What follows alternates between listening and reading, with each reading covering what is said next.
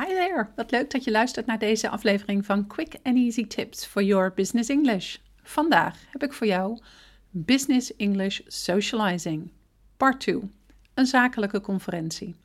Mijn naam is Anneke Drijver van Improve Your Business English en de auteur van het boek Master Your Business English, Communicate with Power in 7 Simple Steps.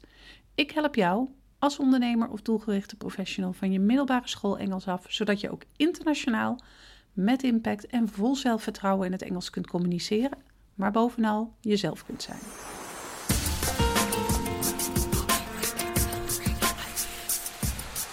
Eerst even een korte recap. Uh, in de vorige podcast, deel 1 van Socializing, heb ik je verteld dat relaties een essentieel onderdeel zijn van het zakenleven. Of dit nu over de relatie tussen jezelf of jouw bedrijf en collega's, klanten, partners, andere bedrijven of internationale relaties, het bestaan ervan is van groot belang. En hoe beter de verhouding tot je relaties, hoe succesvoller je bedrijf. Vervolgens heb ik je het geheim verteld wat je hierbij helpt, namelijk socializing en het vinden van een balans tussen professioneel en persoonlijk. Vandaag ga ik verder in op socializen, maar specifiek gericht op socializen op een zakelijke conferentie. Dit is misschien iets wat de afgelopen jaren door corona wat minder relevant was, maar een terugkerend essentieel onderdeel van het bedrijfsleven. Goede socializing skills zijn superbelangrijk op een conferentie.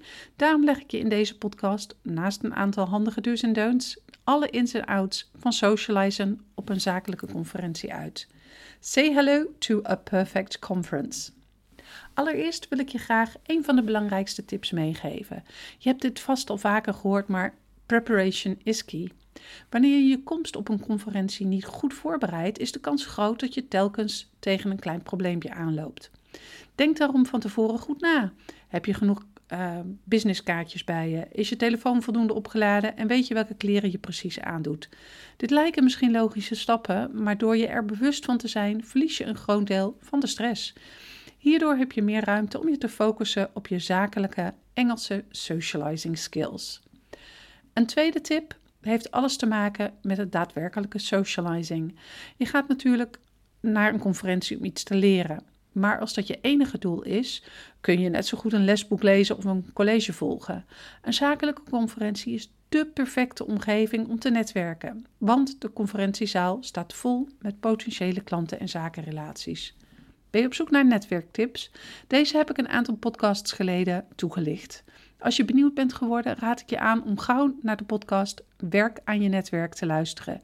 De link vind je in het bericht van de podcast op de site. Nu zet ik weer even een stapje terug met de volle focus op het socializen. Want je moet daar natuurlijk wel ook daadwerkelijk aan toekomen als je in een conferentiezaal staat.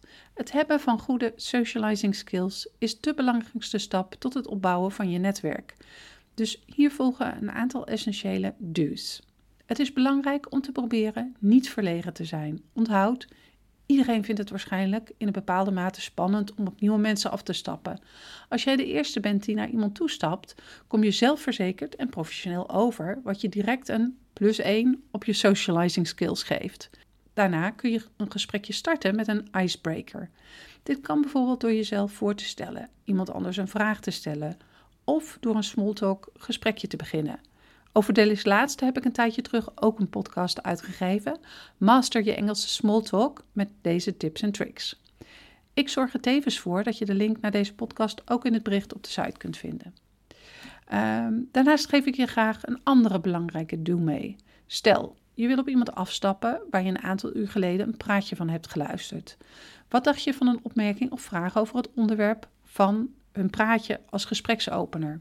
Deze manier heb je gegarandeerd een gesprek, want deze persoon heeft vast en zeker meer dan genoeg te vertellen over het onderwerp wat hij of zij zojuist gepresenteerd heeft. Maar dat is niet het enige. Door zijn opmerking of vraag over de inhoud van de presentatie val je extra op. De presentator ziet namelijk dat jij een interessante en inhoudelijke vraag hebt, waardoor je geïnteresseerd en open overkomt. Voor je het weet, leiden je socializing skills er op deze manier toe dat je een nieuw contact aan je netwerk kunt toevoegen. De volgende tip die ik je wil meegeven is misschien erg vanzelfsprekend. Doe mee. Be engaged.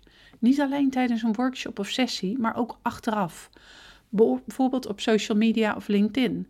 Laat zien dat je meedenkt en geïnteresseerd bent door actief posts te liken, te reageren en misschien zelf een post te schrijven over wat je hebt gezien en geleerd. Volg mensen, mensen. Daarnaast is het belangrijk om zo nu en dan deel te nemen aan sociale activiteiten buiten kantoortijden. Reken maar dat je goed aan het socializen bent op een borrel na sluitingstijd. En misschien zelfs nog wel makkelijker dan op het kantoor. De sfeer is namelijk ontspannen en je hebt meer tijd om over persoonlijke onderwerpen te praten. Dat waren de belangrijkste do's. Maar what about the don'ts? De belangrijkste don't is dat je alles wat ik hiervoor heb verteld niet overmatig doet. Te aanwezig, te veel vragen, te veel interactie op social media komt irritant en misschien zelfs opdringerig over, wat juist nadelig werkt. Probeer dus een goede balans te vinden. Als je deze aflevering hebt geluisterd, zou ik het enorm op prijs stellen als je een review voor ons zou willen schrijven op SoundCloud of iTunes. Dit helpt anderen weer om onze podcast te kunnen vinden en daarmee hun Engels te verbeteren. See you next time met quick and easy tips for your business English.